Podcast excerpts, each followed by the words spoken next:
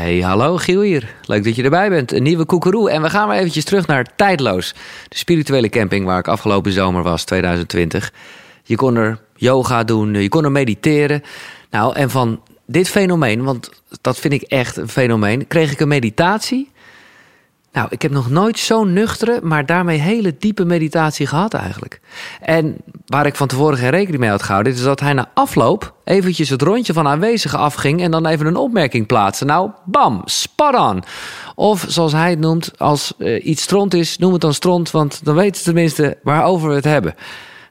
dat kan er maar eentje zijn. Dan hebben we het over Frans de Vries Klaver. Dankjewel. Frans, ja. Eh. Oh, ja. Ja, je, je moet het gezicht van Frans wel zien. Dat ben ik met je eens. Maar hij moet ook wel in de mic eh, praten. Even kijken. Is hij zo zijn eh, gezicht? Ja, het is, Ja, het is wel. praten? Hij heeft zo'n lekker Bouvier gezicht, hè? Noem je, ja. Trouwe honden. Ja, ja. Zei mijn vrouw ook altijd. Oké. Astrid. Ja, Die ook gewoon in deze business zit. Dat is Astrid de Ja. Vries Klaver. twee handen op één buik. Ja. Eh, twee gelijke mensen die op hetzelfde spoor zitten. Ik geloof dat zij iets meer accent dieren en kinderen heeft. Ja, en ook automatisch schrift veel meer doet. Ja. En wastekeningen. Nou, laten we gelijk beginnen dan als we het eh, zo over je vrouw hebben. Hoe hebben jullie elkaar dan leren kennen? Want ja, twee mensen met Door mijn werk. door je werk. Door dit werk. Ik, kwam er, ik was eh, voorzitter van Harmonia Leeuwarden. Harmonia Nederland, afdeling Leeuwarden. En die hadden een open avond. Wat is dat? Dat is een de oudste spirituele vereniging van Nederland. Oké, top. Die bestaan denk ik nu zo'n 150 jaar. Ja, oké. Ja, en eh, daar hadden we een open avond en dan kwam ze. En later hadden we een, eh, een minibus. En toen kwam ze aan de tafel met dus drie vriendinnen. En dat was gelijk knalbam raak. Nou, zo. Alleen, ik wou het niet geloven. Hoezo wou je het niet geloven? Nee, alle relaties van mij die waren eh, Oh. gegaan. Oh, ja. Dus ik heb alles uit de kast gehaald om eh, haar te laten zien. Ga maar niet van Frans houden, want dat gaat toch niet lukken. Oh ja, dat, dat ken ik wel, ja. Ja, totdat ze me voor het blok zetten. Je zegt ja, of je zegt nee en je doet ja. Wat wil je nou eigenlijk? Nou, dat lijkt me gewoon eh, confronterend in jullie situatie. Jullie kunnen slecht liegen tegen elkaar. Tot, ik kan totaal niet tegen liegen. Ik probeer het wel eens hoor. Ja, maar ja, jullie... Ik schiet altijd in de lach. Ja. nee, maar ik bedoel te zeggen, jullie kunnen elkaar... eh, nou ja, dat kunnen veel mannen en vrouwen die lang getrouwd zijn... kunnen elkaar lezen, hè, op een manier omdat je elkaar gewoon goed kent. Maar bij jullie, ja, jullie zijn daar toch door in ontwikkeld. Nee, dat, moet, dat, dat is niet zo dat ik dus jou lees. En dat ik dat met Astrid ook doe. Nee, oké. Je moet elkaar vrij eh, laten. Maar kan je, kan je zoiets uitzetten? Eh, uitzetten nooit. Nee. Dus eh, je voelt dat er wat aan de hand is. Maar ze zou me wel moeten vertellen wat er aan de hand is. Ja, uiteraard. Ja, ja, ja. Dus ik voelde heel duidelijk de sfeer. Maar als ik dus met haar om zou gaan zoals ik met mensen met consulten omga, dan was al lang gillend weggelopen. En andersom en waarschijnlijk dat, ook. dat waarschijnlijk wel, ja. Ja. Ehm, ja, we hebben het over helderziendheid, helderhorend, helderwetendheid. Ik heb heel veel moeite met die termen. Oké, hoe noem jij het? Ik geloof, de mensen zeggen dat dat gaven zijn. En ik, daar geloof ik pertinent niet in. Want iedereen kan schilderen en je hebt één, maar één Rembrandt verein. Ja. Dus je hebt talenten, die ga je ontwikkelen. Dan word je van een hobbyist een amateur en van een amateur een professional. Blijf je met die ontwikkeling bezig, ga je dat niveau bereiken waarvan een ander zegt van eh, wat die man kan, zal ik nooit kunnen. Die man heeft een gave. Maar ik heb geen gaven. Ik heb talenten die ik ontwikkeld heb. Eigenlijk zeg jij van, dat kan je dus ook trainen. Eh, als het een talent Ja, van jou precies. is, Je moet het wel een beetje in je je hebben. moet een- het talent natuurlijk wel hebben. Mijn talent is overgevoeligheid en bemoeizucht. Ja. ja. Nee, ik vind het mooi, want eh, jou, jij noemt jouw werk ook gewoon bemoeial. Ja, ik ben bemoeial. Ik bemoei me met mensen. Het, Ja. e- het enige verschil van Frans van 20 jaar geleden en Frans van nu, dat ik het nu alleen nog maar doe als mensen erom vragen. Ja, ja, dat deed je vroeger niet. Nee, ik bemoei me overal mee. Maar ik zeg, ah, ik zie alles en ik voel alles. Ja. Dus eh, ik, hoe oud ze ook waren, eh, als vijfjarige jongen stond ik al eh, de boel te regelen Nee, dat mensen. vroeg me namelijk af. Wanneer kwam dit tot jou? Maar jij was vijf jaar en je... Dus stond ik de boel al te regelen. En de enige die mij begreep, dat was mijn moeder. ja. Alleen eh, die ging eh, weg toen ik Maar jij zegt was. begeleiden, wat bedoel je? Ja, ik snap dus dat je, jij voelde dingen heel snel aan. Ik zie ze. Ik kan het niet uitleggen. Ik zie het en dan heb ik het ook nog dat verantwoordelijkheidsgevoel wat me altijd was. Maar wat, wat zie je? Wat zag je als vijfjarig jongen dan? Dat het verkeerd ging op Ja, bepaalde dingen. Oké. En dan zei ik dus eh, tegen mensen, ja, dan moet je niet zo doen, dan moet je zo doen. Dat wordt niet geaccepteerd van een vijfjarige jongen. Nee, nee, nee. Ja, de- en, en daar ben ik altijd tegen aangebokst. Dus ik leerde mensen ook, voordat je als bemoeial wordt geaccepteerd, als leraar geaccepteerd, heb je maar één ding nodig. Dat is een oude kop. Ja, want dan, dan denken mensen, eh, die is wijs en eh, ja, ja, Ja. Maar eventjes dan, eh, oké, als kind, maar hoe, hoe- toen, je wat, toen je wat ouder werd, nog steeds als kind, Nou, maar meer puberteit en zo, wat, hoe ging Eh, dat? Dat, eh, de dus die begreep was moeder, die, die stierf toen ik negen jaar was. Oh. En daarna hebben ze me te eten en te drinken gegeven. Maar de opvoeding heb ik zelf moeten doen. Ook kwam ook mede voor dat mijn vader, die bleef met zes kinderen zitten. En met het sterven van, van mijn moeder was hij zijn ruggengraat kwijt. God, dus dat was, eh, en dan kan je alles wat je bedenken kan, met die kinderen is dan ook gebeurd. En was jij de jongste, oudste of zat je Ik was de oudste zoon. Oh, oké. Wel de trots van de familie ben ik nog steeds geloof ik. Ja, ik... maar dus het betekent dat dat jij ook een beetje die vaderrol over je moest nemen? Want ja, jij voelde... Nee, want ik had een eh, hele lieve... Ik had twee zusjes die Ah, ouder ja, waren. dat is toch... En mijn oudste zuster die heeft heel erg de moederrol overgenomen. Ja. Helaas heeft ze dat het hele leven ook niet meer los kunnen laten. Waarom zeg je helaas? Omdat je dat op een gegeven moment accepteerde ik haar niet als mijn moeder. Nee, zo. Oh, op die manier bedoel je. Ja, het is mijn zus. En ja, je, je wordt gelijk geschakeld dan aan haar kinderen. Ja. Dus ja, als, als ik daar op visite kwam en er kwamen andere visite, ja, dan moest ik eigenlijk met haar kinderen bijvoorbeeld naar. Ja, ja, want jij was een van de kinderen. Ja, Oh ja, nee, dat is niet goed, nee. Maar wat, eh, wat was je zelf voor een puber en wat dacht je te gaan ik, doen? eh, ik was een hele vrije puber. wat bedoel je daarmee? eh, dat ik altijd mijn eigen gang ben. Ja, oké. Eh, Dus, ook niet zo'n puber die, want eigenlijk zijn pubers of mensen van die leeftijd juist heel erg bezig met erbij horen. Hè? Dat is toch een beetje. Nou, ik heb nergens bij gehoord. Nee, precies. De groep, maar de groep heeft mij nooit geaccepteerd. Nee. En dat was op school, dus dat heet gepest worden. Dat heet in militaire dienst het buitenbeentje zijn. Ik ben altijd een buitenbeentje geweest. Maar eh, vond je het ook erg?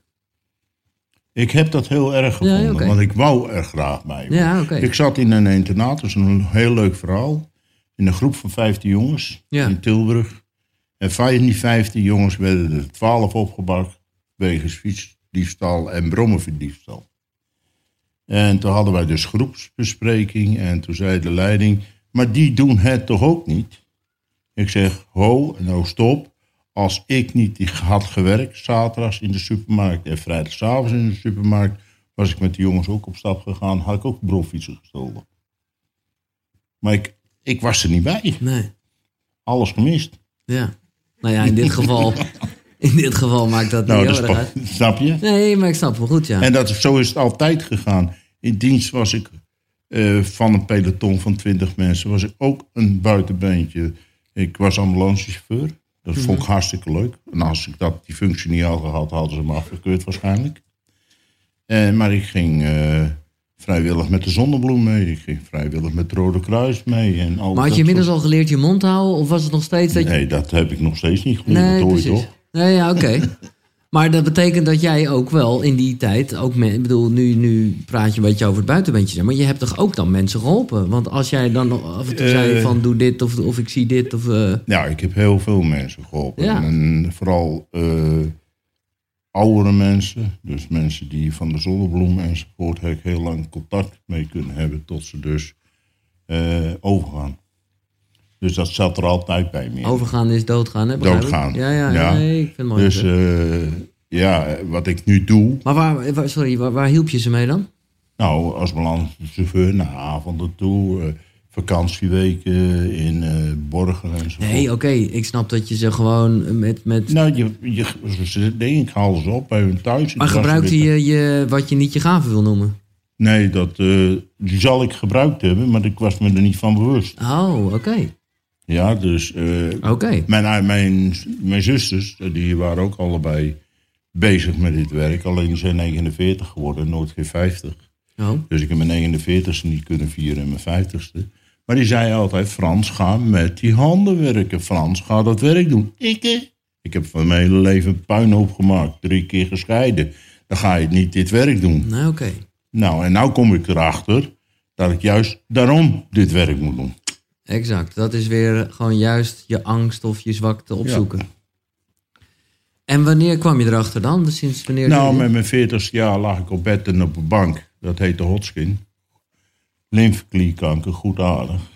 En ja, ik kon niks meer. En de, de, de dokter waar iedereen het over heeft met Sylvia Millekamp, Ja. Broekhuizen, die heeft mij daar bovenop geholpen. Want er was geen behandeling mogelijk, chemokuur en eh, bestraling. Want eh, de groei was zo laag, dus mijn lichaam zei van je bent ziek. Je maakt antistoffen aan. Ik was niet ziek, dus die antistoffen blijven in je lichaam zitten. Ja, dat is heel hoog. En ja, dat geeft vermoeidheidsklachten, dat geeft pijnklachten. En daar moet ik nog steeds mee leven. Alleen, het is in, in rustige vaarwater gekomen, dankzij die overberuchte dokter Broekhuizen. Ja, die dus ook goede dingen gedaan heeft, dat wil je ermee zeggen. Ja, de- als je dus als arts eh, van opgegeven kankerpatiënten, die dus eh, terminaal verklaard zijn, er toch nog 40% doorkrijgt, ja, dan betekent dat de 60% overleeft. In de reguliere geneeskunde zeggen ze, ja, dat, is- dat hoort erbij. En komt dat bij een, een, zo'n arts terecht, dan zeggen ze, die man die deugt niet. Nee. En daar ben ik erg boos over geweest. ja. Ik begrijp het, ja, het was gewoon wat omstreden. Ehm. maar goed, 40 jaar, dat En, is... en toen heb ik ze boven helemaal uitgescholden. Oh. Echt. Oh, wat was ik kwaad. Op wie? Ja, op alles wat erboven is. Ja. ja, eh, wie, dat weet ik Nee, niet. dat Ik weet heb ze niet, helemaal kwaad, verdomme. eh, en toen heb ik ook gezegd, nou, ik weet het niet meer. En jullie zeggen al dat jullie het altijd weten en, enzovoort. Eh, ga je gang maar. Laat mij maar gaan. Eh, la- ga je gang maar, ik geef me over. Oké. En, en dat overgeven, dat betekent dus dat heel langzaam maar zeker ik in dit werk gegroeid ben. En met een, een stukje arrogantie zeg ik toch wel, eh, mag ik wel zeggen dat ik de top mag bereiken. Ja. Nou, dat is ook... Ik, ik ben blij dat je na je 40ste, nu bijna 30 jaar dan dus... eh, gewoon nog een beetje geluk hebt kunnen vinden. Want ik, ik, ik, Nou, word, niet, ik word niet echt gelukkig van die eerste 40 jaar wat je net Nee, maar dat, eh, dat, is, dat, is, dat is leerling zijn in het leven. Ja. En door mijn werk begrijp ik nu dus dat al die pijn en verdriet, Ja. die mag ik nu gebruiken om mensen op te beuren. Ik snap ze, die mensen. Ik snap mensen die pijn hebben. Ik, ik snap mensen die eh, seksueel misbruik hebben meegemaakt, omdat ik het mee heb gemaakt. Ja, ja, ja, ja. ja. Ja, ik weet wat de gevolgen ervan zijn. Ze hoeven mij niks uit te leggen. Als ik mensen zie, dan weet ik gelijk, dat is het probleem. Of dat is het probleem. En dan schrikken de mensen zich de pleuris. Ja. Want dan eh, hoeven ze te kijken zo. En dan, dat heb je zelf meegemaakt. Ja, ja, en dan ja. kijk je, oh, dat en dat. En daarom dat zie je dat en dat. En, ja, en dan zitten ze een keer in hun blote kont. Want ze hebben niks meer te verbergen voor Nee. mij. En dat is schrikken. Ja. Maar dan even, ja, dat lijkt me gewoon zo eh, raar. Kijk, we zitten hier, er zitten allemaal mensen voor ons op een bank. Ja. En zie jij al, ik bedoel... eh, Nee, want ik ben daar gewoon niet mee bezig. nee, precies, dat kan je... Ik ben nou lekker met jou. aan Nee, oké, prima. Nee, eh, ik eh, ben blij. Oké, top. Ik vind het alleen jammer dat ik geen koffie krijg. Ik heb nog een vraag, Frans. Lul toch niet? Grapje. God. jongen, jongen, jongen. Nou, heb jij een eigen methode ontwikkeld? Ik ben daar niet bekend mee. eh, Ik, maar eh, zand lezen. Ja, ieder mens die eh, een ander wil troosten, ja, hoeft er eigenlijk niet over na te denken. Dat is een automatisch gebeuren en dat gebeurt vanuit je gevoel. Ja, dus ik ook. Dus als vroeger hield ik alleen de mensen hun handen vast, of ik magnetiseerde de mensen, kwam de boodschappen. Maar ik begreep ook op een gegeven, op een gegeven moment voordat je ze de deur uit zijn, zijn ze de helft alweer vergeten. Dus ik zocht een systeem om de mensen eh, de boodschap mee naar huis te geven. Nou, zandlezen bestond al. Dan drukken ze de hand zo in het zand en dan gaan ze de lijntjes uitleggen. Nou, dat is handlijnkunde. Oké. En eh, dat vind ik een stap te veel, want zo zijn die lijntjes veel duidelijker. Maar toen ben ik gaan denken, wat gaat er nou gebeuren als je hand nat maakt? Je drukt hem in het zand op een velletje plakplastic Mhm. en dat plak je op papier. Wat ga je dan zien? En dan bleek dus gewoon een soortement aurafoto te zijn. Hun hele leven staan erin. Alleen een aurafoto verandert per seconde. Dan ben je rustig, heb je lichte kleuren, stel je portemonnee bij brandt weer rood. Dit verandert ook. Vind je jezelf belangrijker, ga je beter voor jezelf zorgen, is anders eten en drinken. Dus verandert het vetpercentage, plus waar het vet zich ophoopt, dus verandert je hand. Dus die methode die ik heb om mogen ontwikkelen, is de methode van hoogteverschillen van je hand. En ik heb echt mensen die er al tien in een map hebben zitten. En dan zien ze als een stripverhaal de veranderingen van hun leven. Want je handen veranderen gewoon constant. Ja, die veranderen constant. Al, pak maar een stennymes. Je snijdt in je hand, dus je hand verandert. Ja. Waar slaat dat dan weer op? Ja. Ja, maar nee, maar zo is het. Ja. Dus in die ene afdruk zie je die wel. En de volgende afdruk zie je oké, maar normaal doe je dat toch niet? eh? Nee, maar zo, zo, daar zijn, komen veranderingen in je hand. De, de hoogte van je handen worden anders enzovoort. Hmm. Maar eh, ja, het is gewoon slecht om naar te luisteren. Maar je kan dus, jij kan mijn hand dus lezen. Als ik een afdruk maak wel, zo niet. Oh, zonder, zonder afdruk kan je het ook niet. Nee, ik kan je hand wel lezen, want luister, ik heb dat niet nodig om jou een boodschap te geven. Toen jij in die, eh, Nee, nee, nee. die workshop deed ik het ook zo. Ja, dat precies. Dus de mensen hebben het nodig. Om, Ja, daarmee oké. maakt mijn, mijn verhaal er visueel mee. ja, dat is Dus dan het. kunnen ze er beter eh, dat het verhaal snappen. En omdat ik heel veel schrijf, dus ik schrijf alle dingen op in kernwoorden, krijgen de mensen in vier, vijf A4'tjes, krijgen ze het mee naar huis. Dat is het eigenlijk. Het is meer voor de mensen om mee naar huis te nemen. Want jij, eh, hebt het eigenlijk, jij, jij kan het gewoon... eh, Ja, en het omdat het een methode is die ik zelf heb mogen ontwikkelen, val je natuurlijk wel op in die wereld die paranormaal, spiritueel of wat dan ook Ja. heet. Wat is, wat is spiritualiteit? Ading. Aarding? Ik vind het ading. Kan je dat iets Een hele hoop mensen die hebben dus wel de verbinding naar boven, maar kunnen er niet mee omgaan. Dus die leven eigenlijk als een driehoek op aarde. En markeert niks aan die verbinding naar boven.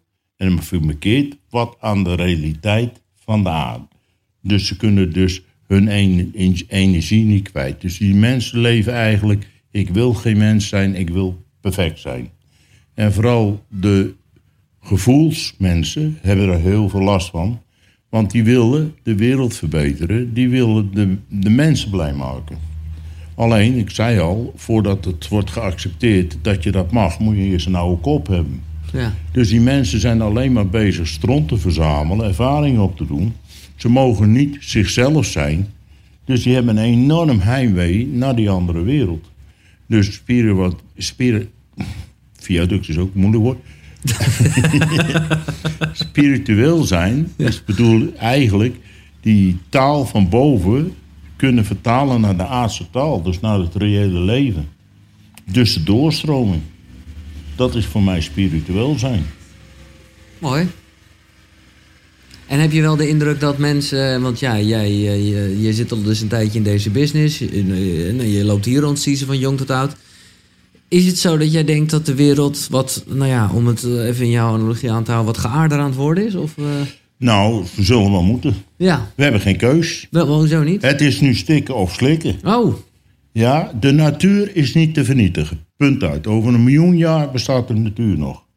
De natuur, de wet van de natuur, de wet van de aarde, van het heelal, is evenwicht. Wij verstoren het evenwicht. Ja. Nou, dat trekt de natuur zich niks meer aan. goed, wij zijn toch ook natuur? Wij zijn toch... eh, Ja, maar wij door ons gebruik misbruik van de aarde, van de dieren en alles, ja. gaan er rare dingen gebeuren. Bosbranden in, in Australië, waar 30% van het bos afbrandt. Tsunamis, eh, Bangladesh, enorme overstroming. Maar dat komt allemaal door de onevenwicht wat wij aanbrengen in de natuur. Alleen wij zeggen, de, de natuur is uit evenwicht. Nee, De natuur zoekt zijn eigen evenwicht. Mhm. Alleen, als wij daar geen rekening mee gaan houden, bestaat er over een, een x aantal duizend jaar, misschien honderden jaren, geen mensen meer. Nee. En eh, toch even in dit verhaal, hoe zie jij corona dan? Dat is dus ook die onevenwicht die we hebben aangebracht. Ja. Moet luisteren, het is heel simpel, Giel. Als je op die tafel die daar staat, twee marmotten doet in de plaats van die twee pilsjes. Ja. En een huisje en wat voer, hebben die een prachtleven. Want die zijn de hele tijd lekker aan. Ja, maar vol, eh, over drie, drie maanden zitten er twaalf in. Ja, zo ja. En over een half jaar of, zitten er veertig in. Nou, dan, gaat, dan breekt het de pleuris uit. Ze vreten elkaar op. Of, ja, of, of het komt een ziekte en je houdt er weer twee over. Ja. Nou, dat gebeurt dus hier ook op aarde ook. De aarde is berekend op 30% van de mensen die nu leven. Daar is op berekend. Daar is de, daarmee kunnen we de dieren normaal... Mens mag de planten, de dieren gebruiken om zich te voeden en te onthouden. Maar wij moeten nu allemaal rare fratsen uit gaan halen... om die andere 70% ook eten te Ja, ja, geven. er zijn gewoon te veel mensen. Ja, ja. Ja. En die gaan allemaal op één hoop zitten. ja. Ja, als je dan eentje niest, dan is de hele flat verkouden. Ja, nee, ja je, je brengt het echt logisch. Ik, mooi, eh, Frans. Nou, over natuur gesproken, dat is een wereld die ik hier van jou niet heb eh, gezien. Eh, maar ik ging je natuurlijk toch een beetje opzoeken en zo. En dan zie ik je wel veel op van die, van die beurzen staan. Maar dan zie ik je echt met, met thee en kruiden en zo. Dat is in het verlengte van mijn werk. Ja, maar dat, is, dat, is- dat sluit wel een beetje aan op de natuur. Maar waar, wat, wat, wat, wat voor kruiden hebben we het over? De normale, de kruiden die je overal in Nederland kan vinden. Ja, peper en zout. Hoofdzakelijk. Nee, wat, eh, nee. Dus eh, brandnetel, gousbloem, eh, nou, ik lavendel. Maar ik heb daar echt geen verstand van. Wat, wat kan ik met brandnetel? brandnetel is heel goed voor de waterleiding. Ja, van jezelf. Ja, nee, ik, Dus als je dus vocht vasthoudt, brandnetel. brandnetel, oké. Alleen brandnetel is bitter, dus dan doe je er dan een beetje een soort hout bij. En dan smaakt het beter. Ja, ja, ja. En dan verkoopt het ook beter. En daar zet je gewoon een kopje thee van dan? Daar zet je een kopje thee van. En dat laat je de mensen drinken. En ik heb dus eh, over de honderd soorten theeën en kruiden bij mij. Daarvan meng, meng ik er 30 Ja, ja. procent.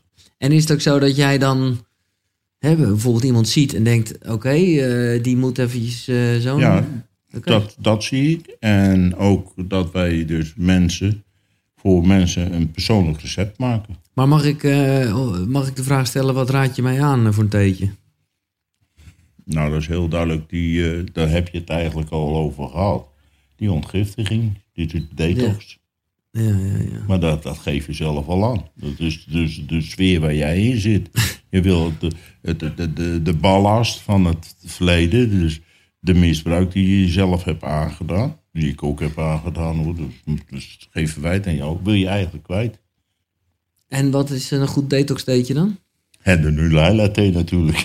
Oh, dat is je- jullie- Die maak ik zelf. Ja, Noorlaila is het bedrijf van jou en je vrouw. Wat, nou, Nulaila betekent eigenlijk, Noor is licht, Ja. Laila is duisternis. Oké. Dus lichtpuntje zijn in de duisternis. Meer ben ik niet. Meer zal ik ook nooit worden. Dus ik hoef niet arrogant te zijn. Maar als door ons voorbeeld andere mensen worden geïnspireerd om samen met ons een lichtpuntje te zijn, word je met z'n allen stralenbundel. Dus je kan de wereld alleen maar verbeteren door je grote mond dicht te houden en zelf het goede voorbeeld te geven. En dat is het voorbeeld van Christus, Harry de Nauw, William Boer, Moeder Teresa, Gandhi enzovoort. Dus niet jij moet het doen, we zijn het zelf gaan doen. En andere mensen zijn dat gaan volgen.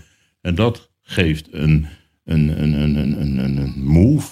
En zo leef jij. Ja, ik denk wel dat ik zo leef, ja. In Ja. ieder geval wel probeer. Nee, wel proberen. Nee, nou ja, dan, ik ben gewoon nieuwsgierig, hè. Kijk, ik zit vandaag jouw Facebook uit te pluizen. En ik ben, gewoon, ik ben gewoon echt nieuwsgierig wat er gebeurd is. Jij mag op een gegeven moment niet meer op een beurs komen. Een, een of andere spirituele beurs. Omdat daar een handgemeen geweest is. Ja, Wat de fuck is dat? Ja, dat gebeurt gewoon. Ja, hoezo? Wat is daar gebeurd? Ik ben een lastige jongen. Oké, En, en- nee, dat is eerlijk. Ja, en ik heb 18 jaar op die beurs gezeten, week uit, week in. Dan komt er iemand en die gaat tegenover me zitten. Er staat een vrouw bij mij foto's te kijken. En er komt achter zijn tafel weg. En die zegt, mevrouw, mag ik even uitleggen hoe ik werk? Dan, dan gaat die vrouw bij mij weg. En dan pas zeg ik tegen die man, moet goed luisteren. Waar ben je mee bezig? Ja. dit pik ik niet van jou. Achter je tafel blijven moet ik ook. Dan breekt de tsunami op. Dan komt zijn vrouw er nog een keer bij. Dat is een, een eh, Turkse. En echt of je de hele beurs wordt, wordt overgegild. En natuurlijk doe ik mee. Ik ben gelievertje. Maar na vijf minuten heb ik me omgedraaid. Ik denk meer, oh, Ja, ik ben niet wijs. Nee. En ik ben weer aan het werk gegaan. Ja, en dan s'avonds komt ze een ene keer naartoe. En ze zegt, ja, ik maak je kapot met die vrouw, die hoer van je. Ik heb nog wel klanten voor je. Ik zeg, me weg, ga alsjeblieft weg. Toen begon ze mijn dingen te smijten. En toen kom ik achter mijn tafel vandaan. En toen kreeg ik in één keer klap in mijn, mijn nek. Ja, dat moet je bij mij niet doen. Ik heb één klap teruggegeven. Een gekneusde hand. Echt meer heb ik niet gedaan. Dat was ook eh, niet nodig, denk ik. en toen hebben ze de stoelen gepakt en zijn ze op me in aan het beuken geweest. Oh, dus ik ja, had God. ook een paar gekneusde ribben. En ja, en dan oor- eh, oordeelt de organisatie waar twee vechten hebben, twee schuld tussen groeten. Ja. Nou, dat laatste is op zich nog wel te begrijpen, toch? Kan ik wel begrijpen, maar eh, eh, er is geen eh, hoor en wederhoor Nee. geweest. En daar maak ik me... Maar natuurlijk ben ik op dat moment pis nijdig op die organisatie. Ik heb ze wel netjes bedankt dat ik 18 jaar op hun beurs heb Ja. gezeten. Op reëel ben ik wel. Maar eh, dankzij dat ze me daar hebben geweigerd, zit ik nu hier. Kijk, en zo is het. Dat doet Ja, dus deuren gaan dicht. Ja, jongen. Om andere deuren open te maken. Kijk. En de fans. Ja, allemaal fans. Ja, precies. Die klappen. Je noemde net al even magnetiseren. En ik vind dat wel, eh, ja, ik vind dat altijd wel fascinerend. Ik weet dat jij recent, nog gefeliciteerd, een Reiki-master bent eh, geworden. Ik ben al heel lang een Rijkenmaster. Oh, nou, je had dan iets met een diploma. Maar, eh, Ja, nee, ik ben al heel lang een Rijkenmaster. maar wat, wat, Magnetiseren Ja. is eigenlijk wat iedereen doet. oké. Magnetiseren is- wil eigenlijk zeggen je bewust of onbewust met liefde, zorg en respect met mensen bemoeien. Nou, dat hebben al deze mensen gedaan. Dus alles wat je hier ziet, al die proformers enzovoort, zijn met systemen van bemoeizucht, met systemen van magnetiseren bezig. Dus dat Het is gewoon energie tussen ons, dat, zo moet ik het zien. dit, dit is ook een manier. Als we het samen het werk goed doen, vallen bij die mensen kwartjes en dat levert energie op. Ja. Dus we zijn dat magnetiseren. Willen jullie straks wel even betalen? Nee, oké. Eh, dus dat gebeurt sowieso. Dus dat, eh, oké, dan snap ik het iets meer. Maar wat doe, je- wat, wat doe jij dan als je magnetiseert? Dan zit je daar toch een Eh, beetje te forceren dan, toch? Nee, ik ben wel Reiki-master. En Reiki, Reiki is de handoplegging. Oh, oké. En dat doe ik speciaal omdat de meeste mensen hebben een probleem van, gehad van moeder stop het kind in bad. Dat hebben ze gemist. Dus intimiteit en veiligheid. En ze hebben een probleem met aanraken en aangeraakt worden. Oh, ja. Dus ik leer mensen dus bewust ook mensen aan te raken. Ik heb er ook wel problemen mee, denk ik. Ja, dat zou best kunnen. Maar wat, eh, wat doe jij dan? Ik leg dan mijn handen op de plekken waar ik voel waar ik ze neer moet leggen. Eh, wel volgens het rijke systeem. Dus je dat is een systeem wat je moet leren voor je veiligheid. Maar volgens als je het systeem onder de knie hebt, moet je het weer loslaten. Net zoals autorijden. Je denkt niet meer aan een gaspedaalkoppeling of rem. Ja? Dus dan ga ik gewoon met mijn handen het lichaam af. Met respect voor de mensen gevoelens. Dus ik raak niks aan wat ik niet aanraken hoeft. Of me, ja, wat problemen geeft. Dat voel je. Mhm. Ja? Dus sommige mensen kan je overal aanraken. En andere mensen hebben er meer moeite mee. Dat, dat voel je, daar hou je rekening mee. En dan ontstaat er gewoon stroming. Ja, precies. En daarmee breng jij het in balans of zo? Eh, in balans, als het de bedoeling is. En als het niet de bedoeling is, zoals bij een terminaal iemand, dan mag- magnetiseren ik ze ook. Voordat ze dus de, eh, de vervuilde energie af kunnen voeren. Zodat het proces voor hun makkelijker te verteren is. Ja, ja, zo van, jij, jij beweert ook inderdaad natuurlijk niet dat je Eh, ik, ik kan niet eh, genezen. Nee, Dat bepaal ik niet, dat bepalen ze boven. Ik ben medium. En medium zijn wil gewoon zeggen het door middel van zijn. ja, Dus medium wil gewoon zeggen, ik ben een televisie of een radio. ja. Jij zendt gewoon door. Ja. Maar werkt het dan niet echt met magneten zelf? Want ik vond, ik, wat ik van jaren geleden ken, ik weet niet of ik kan je nog herinneren, was, ik vond het altijd wel een mooi dingetje. Wat Tineke zo mee was, de biostabiel. De biostabiel, die werkt. Ja, dat geloof ik ook. Ja, alleen, Oh, Ja. en nou komt het, Ja, die biostabiel werkt. Maar als je hem altijd om hebt, word je ervan af, afhankelijk. Hmm. Want je lichaam went eraan. Dus op een gegeven moment gaat je, trekt je lichaam niks meer van die biostabiel aan. Dan breekt het weer door. Ja, dus je ja. kan een aspirintje slikken tegen hoofdpijn. Dat is goed. Wat je me elke dag slikt. Ja. Dan, dan helpt het niet meer. Nee, oké. En ben je ook van mening, want dat is een beetje zoals ik bijvoorbeeld tegen zo'n biostabiel en eigenlijk tegen alles wat je zegt ook. Kijk, ik geloof gewoon heel erg dat waar je in gelooft, dat is zo. Je kan alles een opdracht geven. Ja, Dus eh, een chemokuur, wat hartstikke slecht is voor de mensen. Mhm. Want chemokuur is gif. Punt. tuurlijk. Je hebt dat wel nodig om die slechte cellen af te breken. Ja, Dus het is niet zo dat ik zeg van neem geen chemokuur. Ja, maar die chemokuur breekt ook net zoveel jonge slechte cellen af als jonge goede cellen. Dus mensen die chemokuur ondergaan hebben later ook vaak last van hartklachten enzovoort. ja. Ja, maar, met, eh, maar die kanker is weg. En dat is dan de hoofdzaak. Maar zelfs een chemokuur kan je dus positief beïnvloeden door, eh, ja, noem het bidden. Het een opdracht te geven om goed voor je te doen. En in de, in de rijke hebben dus de, de, de- dit teken, de stroomversneller, ICK. Of goed, ik denk dat ik het even verkeerd uitspreek, want ik heb mijn hekel aan moeilijke woorden. Ja. Dus dat is stroomversneller. Maar is dit nu iets eh, wat ik ook zou kunnen doen? Ja, tuurlijk. Dat kan iedereen. Ja. Eh, ik, Het is gewoon intentie, daar gaat het om. de intentie, ik steek eh, een vriend, een goede vriend van mij is overleden. En dat hoor ik dan hier. En ik kan niet naar de begrafenis enzovoort. Maar ik kan toch wel hier een kaars voor hem opsteken. Mhm. Voor zijn vrouw, die ze haar derde man al weg moet brengen, die overleden is. Ja, dan steek ik een eh, gebedskaars op. Mijn zuster lag in het ziekenhuis in Utrecht en ik zag aan de kaars hoe haar dag was. Nou belden we s'avonds om negen uur op. De, elk, de jastwak hadden we. En eh, dan zei ik van, joh, je hebt een uh, klote dag gehad, hè? Ze zei, hoe weet jij dat nou weer? Nou, je kaarsje flikkerde. Ja, ja. En was het kaarsje heel erg rustig. Ik zeg, je hebt een goede dag gehad. Dat werkt. Ja. Maar dat is dan wel weer iets waarvan ik denk dat eh, nou ja, jij daar dus een beetje in getraind bent om dat te zien. Ja, maar zoals de, het ingestraalde water van Jomanda. Mhm. In het begin moest je die flessen kopen. Maar als ik de kracht van Jomanda had om het water in te stralen... had ik naar de oceaan toe gegaan of naar de Noordzee. Had ik gelijk de, al het water van de wereld ingestraald. Dat is wel klaar. Was klaar. Snap je? Ja. Maar het werkt echt.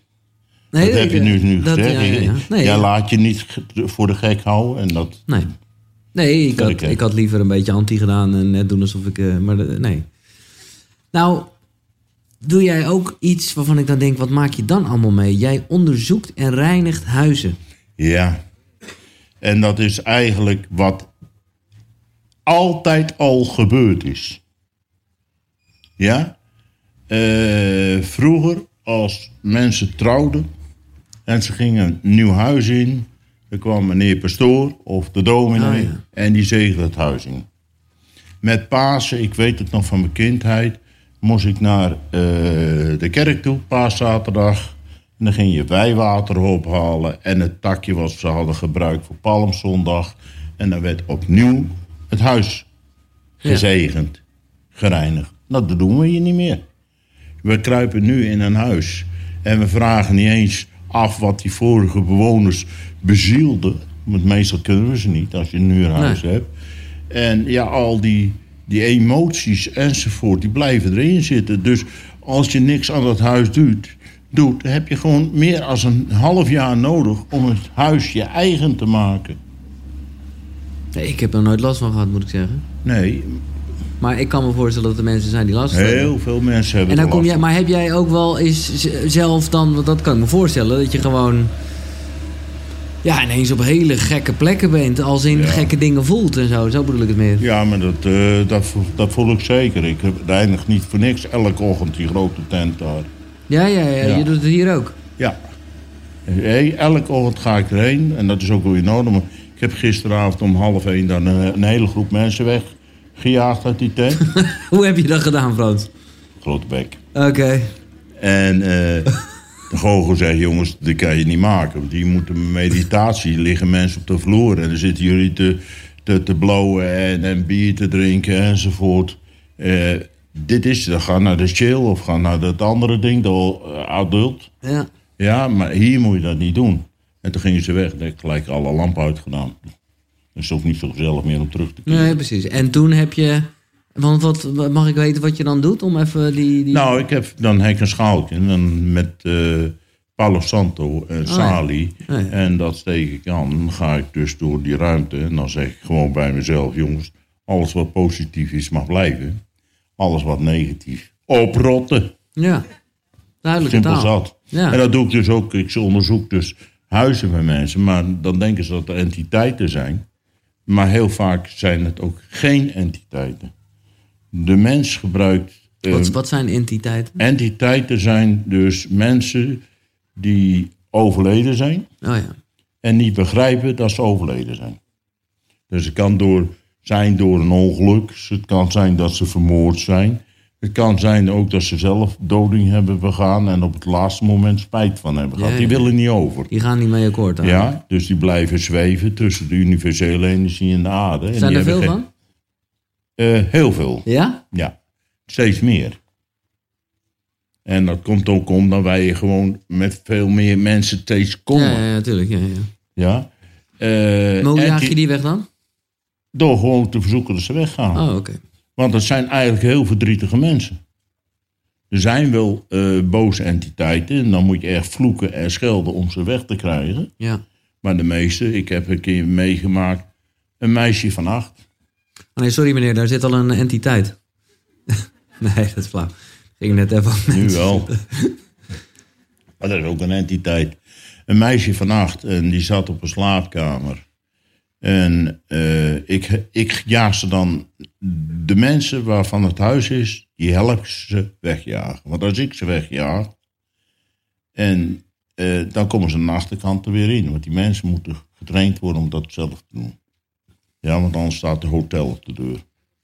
En eh, dus ik haal geen entiteiten weg als het niet klopt. Als die mensen niet in staat zijn om ze buiten te houden. En waarom? De Stockholm-syndroom ken je. Ja? Dus Dan word je men- verliefd op je stalker, toch? Hm? Dan word je verliefd op je stalker of zo? Oh, nou, op je, de gijzelnemer en Oh gijzelaar, ja, ja, dat bedoel ik. Ja. die krijgen een relatie. ja. Dus als ik dus merk dat eh, dat niet in orde is, laat ik echt die entiteiten zitten. Want die, die zijn gewend aan elkaar.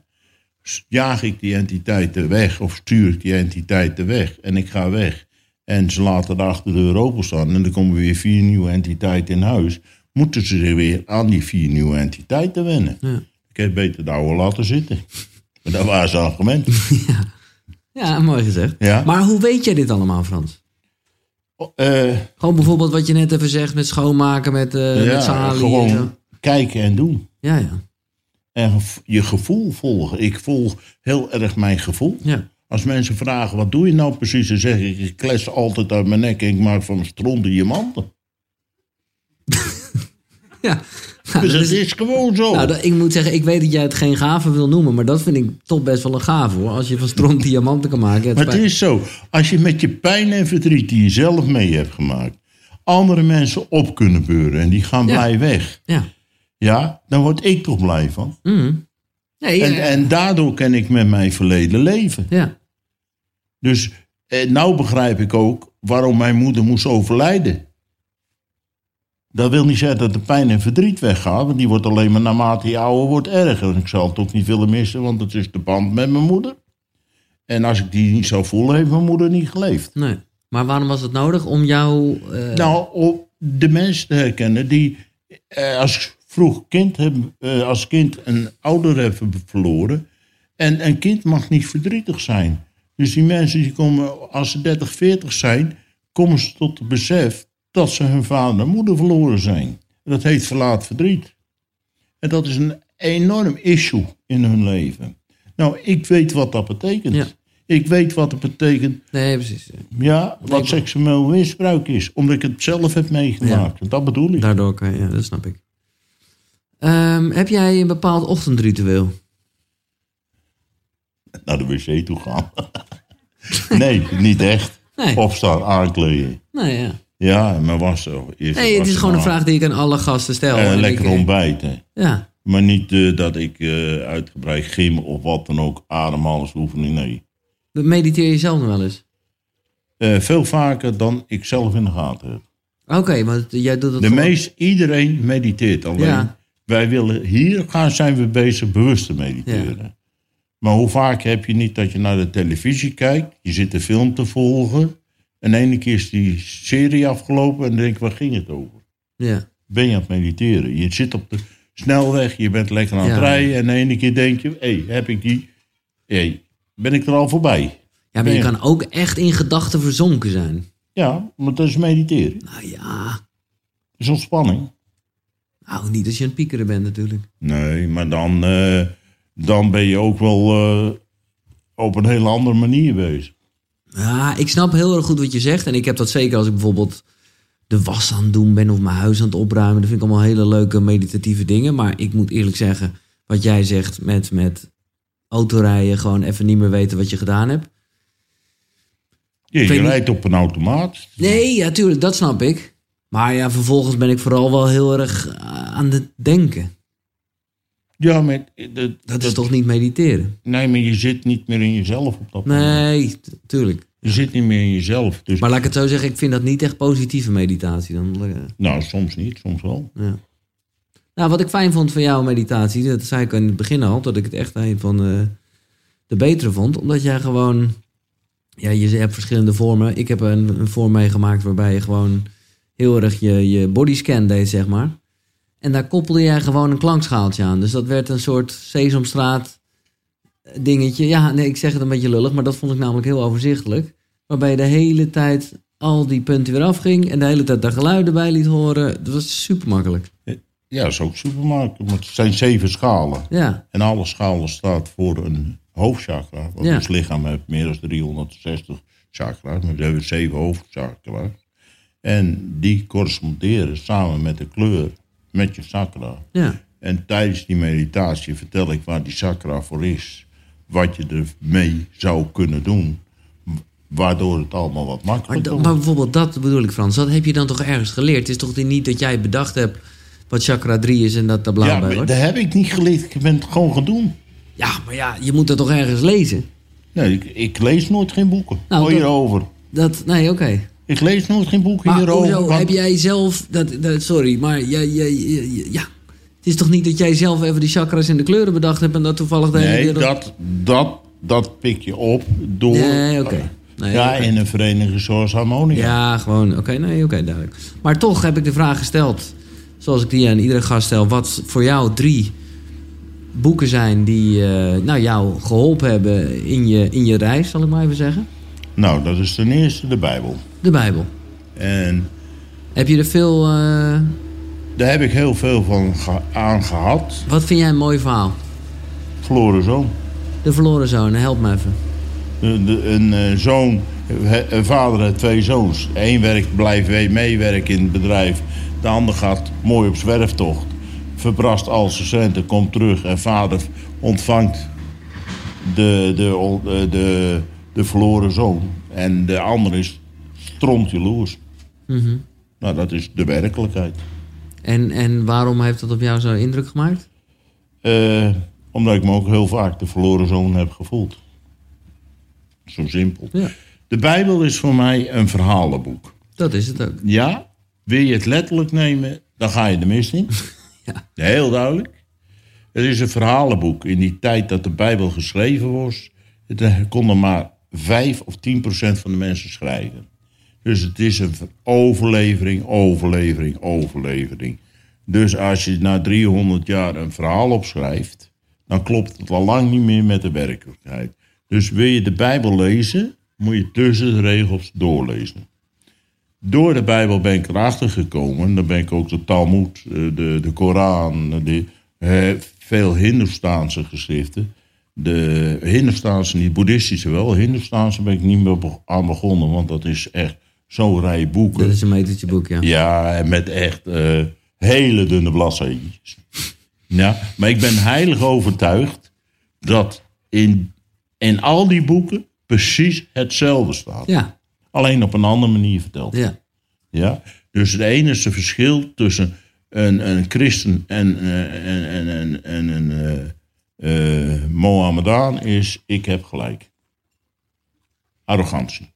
Ja, zie je dat zo? Ja, ik heb gelijk en daarom wil ik niet naar jou luisteren. Maar zo, zo, dat, vind jij het verschil tussen, christen, eh, tussen het christendom en de islam? Ja, dat Maar is christendom zijn toch net zo, ik heb gelijk. Ja, dat, ik, ik zeg niet dat, dat het aan de islam alleen zeg ik heb gelijk. Oh, oké, dat dacht nee. ik even. Ja, wat wij dus nu zien met die extreme moslims, Tuurlijk. dat hebben de christenen toch geleerd, de kruistochten. Nee, oké, duidelijk. Nee, ik zal ze moeders leren. Ja. Maar de basis is gewoon, nou ja, wie goed doet, goed ontmoet. eh, gewoon dat soort... Nou, eh, het, heeft, het heeft heel veel levensinzichten. Ja. Het is niet altijd wie goed doet, wie goed ontmoet. Dit is de realiteit van het leven. En de realiteit van het leven brengt me gewoon bij vertrouwen op Allah, maar ben je wel je kameel vast. Dat is de realiteit van het leven. Ja. Ja? Dus eh, je moet iemand in zijn waarde laten. Ja, dat moet ook. Dus een klootzak is een klootzak. Dat is de realiteit. Waarom moet ik mensen die geen respect voor mij opbrengen... dan komen we weer op dat hele beursgedoe... Nou ja. moet ik daar, Nee, nee. daar voor hun respect Nee. op brengen? Nee, je moet iemand in zijn waarde laten. Ja. Oké, de Bijbel, duidelijk. Je bent de eerste die hem noemt. En ik heb toch echt wel een hele reeks eh, Ja, van mensen gehad. Nee, dat vind ik echt top. Eh, wat is eh, een tweede boek? Dat is het boek van mijn vrouw. Ja. Reclame. Mijn vrouw die eh, heeft automatisch schrift. En Automatisch schrift. is gewoon je gedachten opschrijven. Of wat je hoort opschrijven. Ze is ook helderhorend. En dat is begonnen met een zinnetje van haar vader. Dat werden twee zinnetjes, dat werden drie zinnetjes, dat werden vier zinnetjes. Toen kwamen de drie E's, de E- Egesiërs, ik weet het allemaal niet, die kwamen erbij. Het werden langere zinnen, het werden pagina's. En op een gegeven moment kwamen er steeds meer mensen door. Toen is ze dat elk, al die kleine berichtjes uit gaan schrijven. Oh ja. Dus hij heeft nooit een boek willen schrijven. En nou hebben ze zo'n 18 boeken klaar. En eh, daarvan is deze gebundeld, deel 1. En 3, 4 en 5, die zijn ook gebundeld, maar die geven wij gewoon zelf uit. Die draaien we gewoon uit. En de rest moet nog allemaal gebundeld worden. Maar het is echt zo'n stapel. Ze doet niks anders de hele dag als schrijven. Schrijven voor mensen, ja. Schrijven voor mensen die een boodschap willen hebben van eh, overleden mensen. Schrijven van over levende dieren, wat die te vertellen hebben enzovoort. Daar hebben ze echt een dagtaak aan. Maar ook heel eh, gelovig, zie ik. Ja, maar Nee, is niks ik ben ook heel gelovig. Ja, nee, oké. Alleen, ik ben niet katholiek. Ik Nee, ben oké. al gelovig. Maar er staat bijvoorbeeld hier, het is wel mooi, er staat gewoon de datum en de tijd staat erbij. Ja. Dus ik heb er hier eentje van 2 februari 2004 om 5 over 4 's ochtends. Tijd om op te staan. Word wakker, het is tijd om op te staan, om zonder morren mijn weg te volgen. Wie houdt u tegen? Wat verhindert u mijn weg en leer te volgen?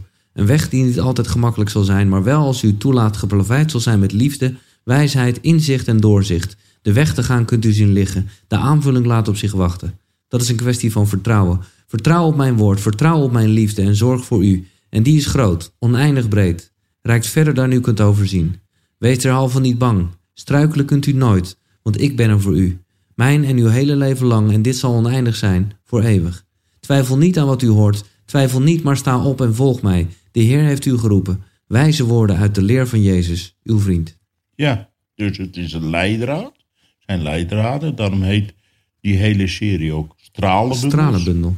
Ja, dan komen we ook weer op de naam nu Leila, de stralenbundels. Dus als je uh, met z'n allen uh, lichtpuntje wil zijn, een stralenbundel. Maar dat is gewoon leidraad. En ik zie een foto van je vrouw. Ze is een stuk jonger dan jij, denk ik. Ja, daar hoor je. Oh, het is gewoon een oude foto. Mooi. Nou ja, stralenbundel op weg naar jezelf. Astrid de Vries. Ja. Noemt zij zich niet Astrid de Vries Klaver dan?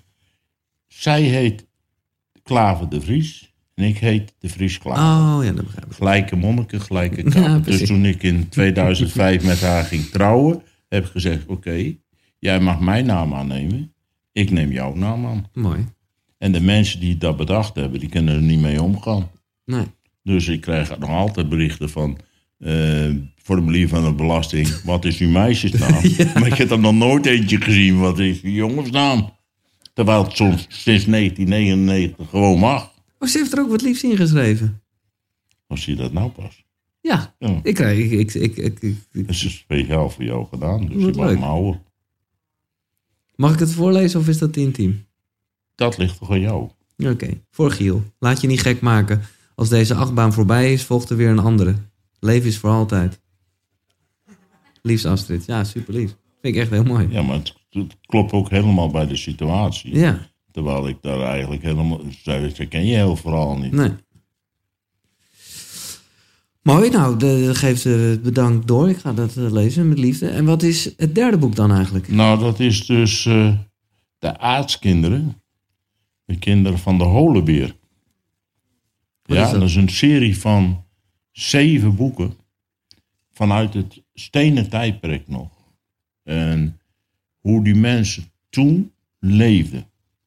En dat is in zo realiteit geschreven. Dat is van, ik heb het opgeschreven hoor, mijn kop is niet zo goed. Jane Marie Aruel, de aardskinderen, de stam van de Holebeer is de eerste. En dan zie je echt hoe ze leven, hoe ze vuur maken, hoe ze met ongesteldheid omgingen enzovoort. In die tijd. En, hoe ze op jacht gingen. En wat heeft, waarom is dat voor jou uh, zo indrukwekkend uh, het leven zoals het leven eigenlijk zou moeten zijn. In alle puurheid. In alle puurheid, maar ook uh, dat je gewoon ook ziet, er, er zal nooit vrede komen. Dat is een utopie die we nastreven, maar niet lukt. En waarom? We hebben voortplanting. Ja, ja, ja. Ja, ja. en dan gaan de mannetjes met elkaar op de vuist. Dat heet territoriumgedrag. Ja, die heeft de mens helaas ook.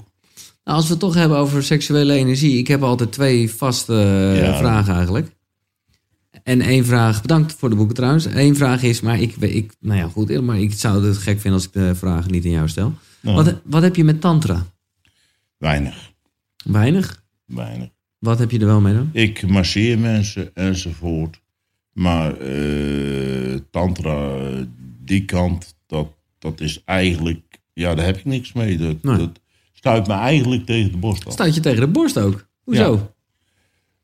Ja, ja misschien wel opvoeding. Maar als ik jou zeg, dat is mijn eigen fascinatie vandaar, dus dan gaat het ineens toch wel over seks, terwijl tantra echt wel meer is dan dat. Maar wat, hoe, uh, hoe, hoe zou Astrid het vinden als jij dus wel een orgasme kan bereiken, maar niet ejaculeert? Ja, maar ik weet niet hoe ik dat zou moeten doen. Nee, dat begrijp ik. Maar dat zou toch wel tof zijn om te leren? Ja, nee, maar ik vind de, die intimiteit wil ik alleen maar met Astrid. Nee, dat begrijp ik ook. Ik zeg niet, dat is ook... En, dat is wat, wat... en tantra zie ik dus heel vaak. Ik ja, zie nee, oké, maar dat is dus... Maar dus nee, oké, maar dat die intimiteit is voor Astrid en mij. Ja. Dus als mensen, door mijn werk heb ik heel vaak dat mensen toch uh, verliefde gevoelens naar mij hebben. Dan zeg ik oké, bedankt voor het compliment. Mooie compliment kan je niet krijgen. Maar hier mag je van me houden, daar niet. Daar zit Astrid. Ja, ja, ja, mooi. In je hoofd wel. In Even het niet, eh, dierlijke en seksueel in de machtsstrijd. Nee, precies. Maar goed, even voor de duidelijkheid, want dan, ik, het maakt verder niet uit. Ik denk dat heel veel mensen een soort bekrompen maar eh, ik zal niet eens versie hebben. duid- duidelijk kunnen zeggen wat tantra inhoudt. Nee, precies. Nou, en dat ik is vind, eh, je moet alleen een oordeel hebben als je het eerst gaat onderzoeken. Kijk, en ik ga het niet onderzoeken. Nee, nou, helder, helder. En hoe kijk je aan tegen de dood? Open armen. Je hebt er zin in. Nou, geen zin in. Maar als ons lieve Heer zegt, kom maar. Of de universele energie zegt, kom maar. Ja. Ga ik met een glimlach. En, en hoe, Ik heb wat denk eh, je wat het is? een, een thuiskomen. Ik geloof in een leven na de dood. Sterker nog, ik geloof er niet in, ik weet het zeker. Oh, En waarom? Door mijn werk word ik zoveel met energieën die overgegaan zijn geconfronteerd. Die hoor ik, voel ik, zie ik niet. Dat doet Astrid wel. Dus ik zie ze niet. Ik zie af en toe hoe dat was Sippy, die komt even kijken hoe het hier is. oké. Ja, de poes. Dus dat zie ik wel. Maar eh, zoveel contact, zoveel to the point eh, naar de mensen toe. eh, hoe die mensen waren en hoe ze die mensen leden. Nou, dat kan ik niet verzinnen. Nee. Dat is- moet me ingegeven zijn. Dus eh, er is een leven na de dood. Ja, hoe dat eruit ziet, heb ik geen idee van, maar is mijn kop te klein voor. Ja, Dus ik kan niet dat al dat almachtige in mijn kop opbergen. Nee. Dus ik ben heel nieuwsgierig. Maar ik heb ook een tijd gehad in mijn leven dat ik niet meer wou leven. nee, dat is onder je veertigste, zeg maar. Ja, dan om mijn 40, toen ik 35 was, zat ik dronken in de auto, steken een boom over, steken een boom over. Alternatieve zelfdoding, niet goed voor jezelf zorgen. Want de mensen zeiden gewoon tegen mij, Frans, als jij je bek open doet, komt er stront uit. Wat bemoei jij je mee? Ja, en omdat ik het ongevraagd deed. Ja. En als, ik- als, als ik mijn mond open deed, maakte ik altijd dat bloot wat de mensen verstoppen wouden. Ja. Ja, ik ben een heel lastige jongen. Nou, ik vind je vooral een hele fijne vent. En eh, En nu, toen was ik... nee, toen kende ik je niet, dat is waar. Is het zo, eh, mogen mensen hier vragen stellen en ook gewoon dat jij, ja, dat is toch zeg maar even een klein consult? Of, eh, Als ze dat willen. Maar nou, ik denk dat genoeg mensen dat willen. nou, kom maar op. Oké, maar mag ik eerst een applaus voor Frans de Vries Klaver? Dank jullie wel. Een fantastisch En mens. daar kan ik dus helemaal niks mee, hè, met applaus. Daar kan je niks mee? Nee, je kan ik- slecht tegen... eh, ja, ja? ik- Dat, dat kost me echt moeite. Dus, maar waar kan je beter tegen? Eh, Complimenten of kritiek? Eh, ik denk dat eh, kritiek mij beter bevalt. Ja, ja, oké. Alleen, ik heb, heb nu begrepen dat kritiek alleen maar bedoeld is om na te denken. En als je nadenkt, kom je erachter, hé, hey, ze hebben gelijk. Dan doe ik het morgen anders. Ja. Of ze hebben niet gelijk, leg het naast me neer. Ik ga er niet meer tegen in. Maar dan is een compliment is dan toch ook gewoon bedoeld om liefde te geven? Ja, maar ik ben wel blij met het compliment. Ja, oké. Ja. Nee, oké. En ook wel met het applaus. Maar ik heb er moeite mee. Ja. dat zeg ik ook gewoon niet. Nou ja, dat vind ik ook mooi. Eh, nou ja, zijn er mensen die denken, nou godsamme, ik, eh, ik ben nu toch even hier en ik, ik, ik heb iets, ik voel iets, of ik ben gewoon even benieuwd wat Frans voor een advies mij eh, kan geven. Ik weet uit ervaring. Kom maar met je vraag. Ja, kom maar. Ja, je steekt je hand op. Ja, ja Of kom maar. zijn Ja, niet- alleen maar gedacht? Ik kom echt gewoon net een minuut geleden binnenvallen. Dus Dat is perfect, goede timing. Ehm, ik heb niet echt een vraag. Nee, maar Frans, wat, eh, wat voor gevoel krijg je?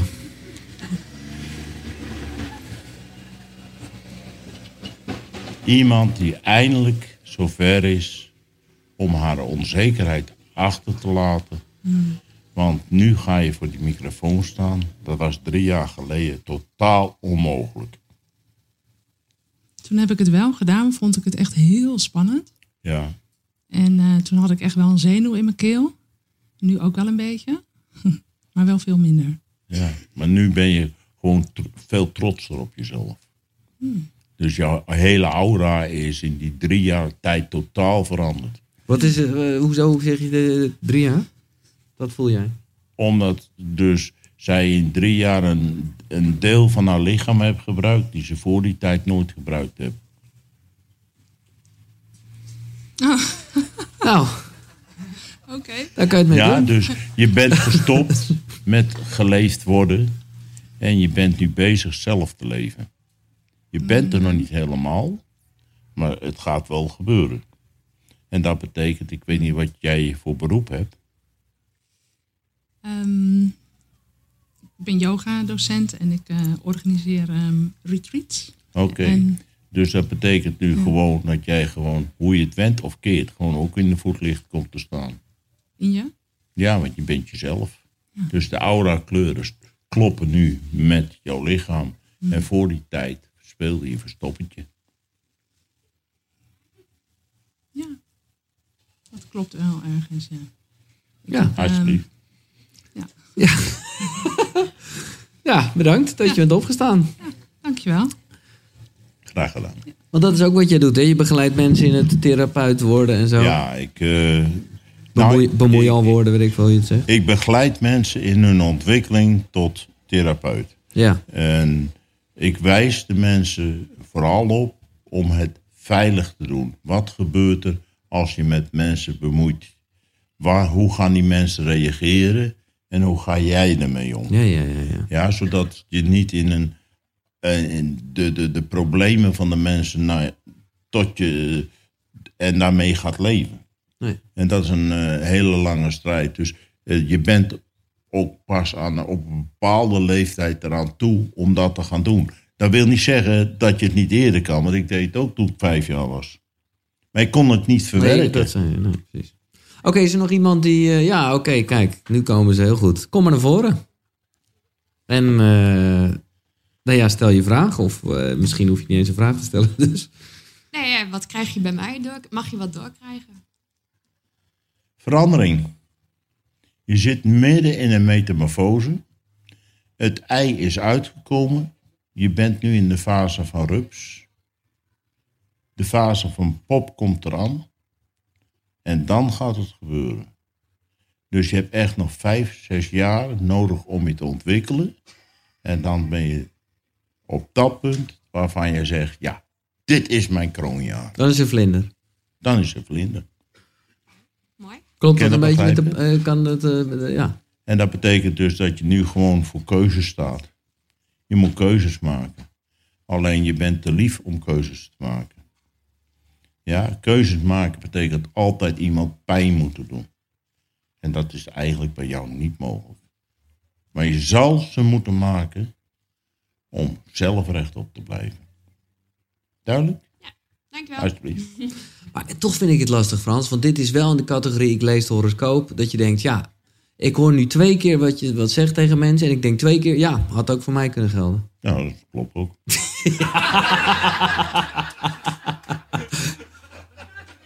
ja, dat klopt ook. Oké.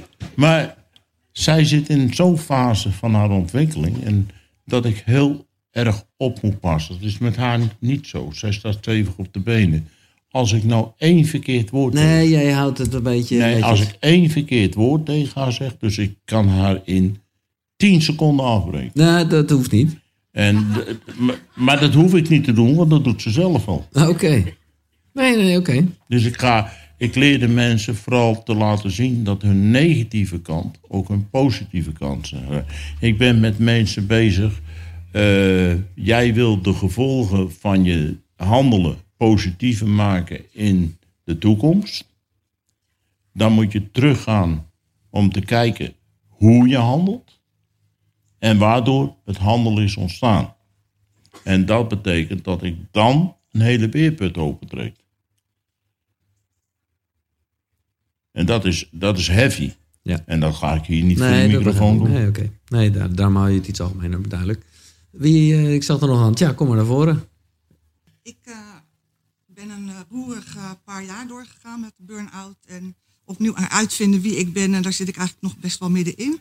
En ik, ik wilde graag weten of, eh, of je iets ziet van mij. Van, eh, ik heb ook heel veel last van pijnen. Ja, bij, ik eh, heb geen geluid meer, denk ik. Jawel, maar ik heb het even een beetje zo gezet. Oké. Maar, eh, je, Ik denk dat jij in, in, in, in- het, het moeilijkste voor jou is het loslaten. En dat loslaten, dat voel je vooral dus bij je nek en je schouders. Dus Het verleden bepaalt het heden en daardoor de toekomst. Ik ben liever verdrietig dan jij boos mag zijn op jou. En ik kan niks weggooien, maar je mag alles van me hebben. En dat. Ik kan niks Oh, weggooien. dat is van mij. Ik, Ja? ik- ja. Ik kan niks weggooien, maar je mag alles van me hebben. Dus je bent gewoon daardoor te lief.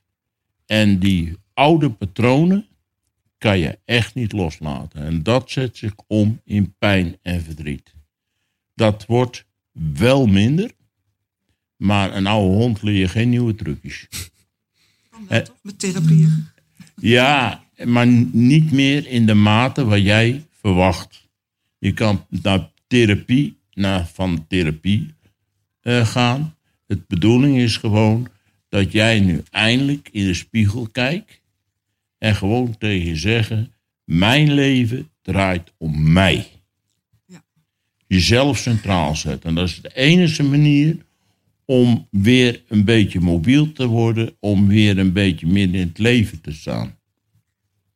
Jezelf centraal te zetten. En gewoon te begrijpen dat andere mensen maar moeten bewijzen dat jij het recht hebt, dat zij het recht hebben om in jouw leven te zijn. Doen ze dat niet, dan gaan ze maar mooi vertrekken. Ja. Dus je moet hele harde keuzes maken. En het gaat, dat, dat is zo verschrikkelijk moeilijk voor jou. Dat, eh, ja. Snap je wat ik bedoel? Ja. Het zit gewoon in je gebakken. Spirituele kant op gaan eh, een goed iets voor mij? Want dan zit ik ook heel vaak tussen te, te wikken en te wegen. Ik voel ook heel veel. Ik en- denk dat eh, de spirituele kant, als jij bedoelt dat jij jouw pijn en verdriet gaat gebruiken om andere mensen op te beuren, zinvol werk, eh, in een hospice werken, zinvol werk, niet om kontjes te wassen, want daar zijn de jongeren wel voor, maar wel om de mensen de handen vast te houden. Eigenlijk de taak die de pastoor en de dominee handen moeten doen. Maar die doen het niet meer, want ze hebben er geen tijd meer voor. Want het kerkgebouw en de centen zijn veel te belangrijk geworden. Snap je dat? Ja, ik werk met jonge kinderen juist daarom ook. Omdat ik die altijd op eh, weg kan helpen. En Ja. ik wil altijd het verschil Maar- voor ze zijn. En Maar daar ben jij jezelf. daar ben ik helemaal Daar werk jij zonder masker. Ja, En daar heb jij ook geen pijn. nee. Nee. Maar wel als thuis. Ja, want dan ga je naar de gang. Je doet je jas aan. En wat hangt er na die, naast je jas? De masker. Die zet je op. Maar niet als ik, als ik met die kinderen werk. Nee, dan ben je jezelf. Want die kinderen nemen jou ook zoals je Ja, bent. ja, Voor die kinderen kan je. Ja. toch niks verstoppen. Nee. Kan je ook niks fout doen, hè? Dan moet je die andere, andere grote kinderen die je overal tegenkomt... ook maar gewoon als die kinderen behandelen. Oh ja, dat is ook Maar dan snappen ze je. Oh ja. ja, zal ik doen.